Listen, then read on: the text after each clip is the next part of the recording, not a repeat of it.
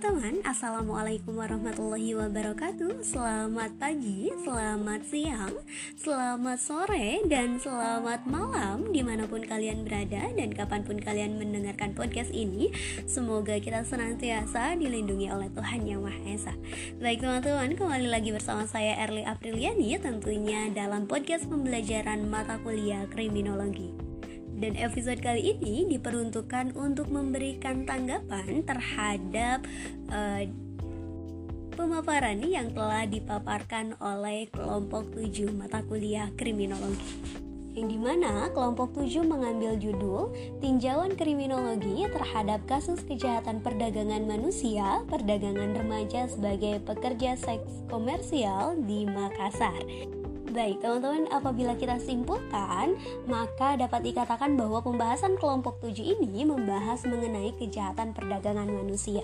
Dan kejahatan perdagangan manusia ini merupakan sebuah tindakan kejahatan yang tentunya serius karena menyangkut mengenai hak dan juga kemanusiaan, baik itu nasional maupun internasional di mana human trafficking ini merupakan salah satu bentuk perbudakan modern yang merupakan bagian dari pelanggaran HAM.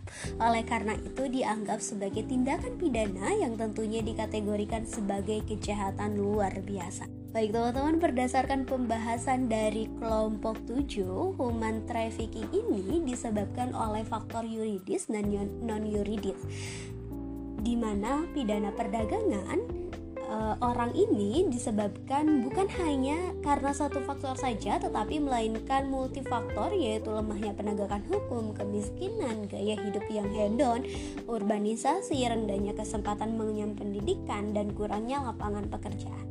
Sehingga sebenarnya hal ini merupakan suatu kasus yang tentunya harus kita uh, benahi bersama-sama dan pemaparan dari kelompok 7 ini sangat luar biasa karena kelompok 7 sudah memaparkannya dengan begitu rinci yang disertai dengan kasus uh, dan di dalamnya merupakan kasus uh, tentang perdagangan remaja sebagai pekerja seks komersial.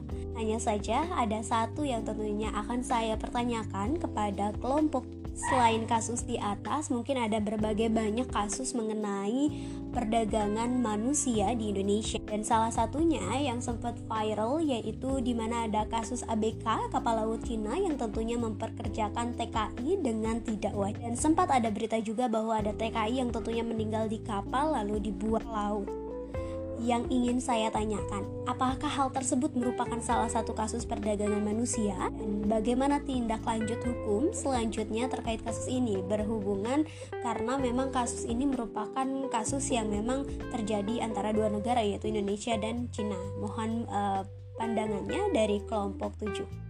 Nah, mungkin itu saja teman-teman yang akan saya sampaikan pada episode kali ini. Sampai jumpa di episode-episode selanjutnya. Terima kasih. Wassalamualaikum warahmatullahi wabarakatuh.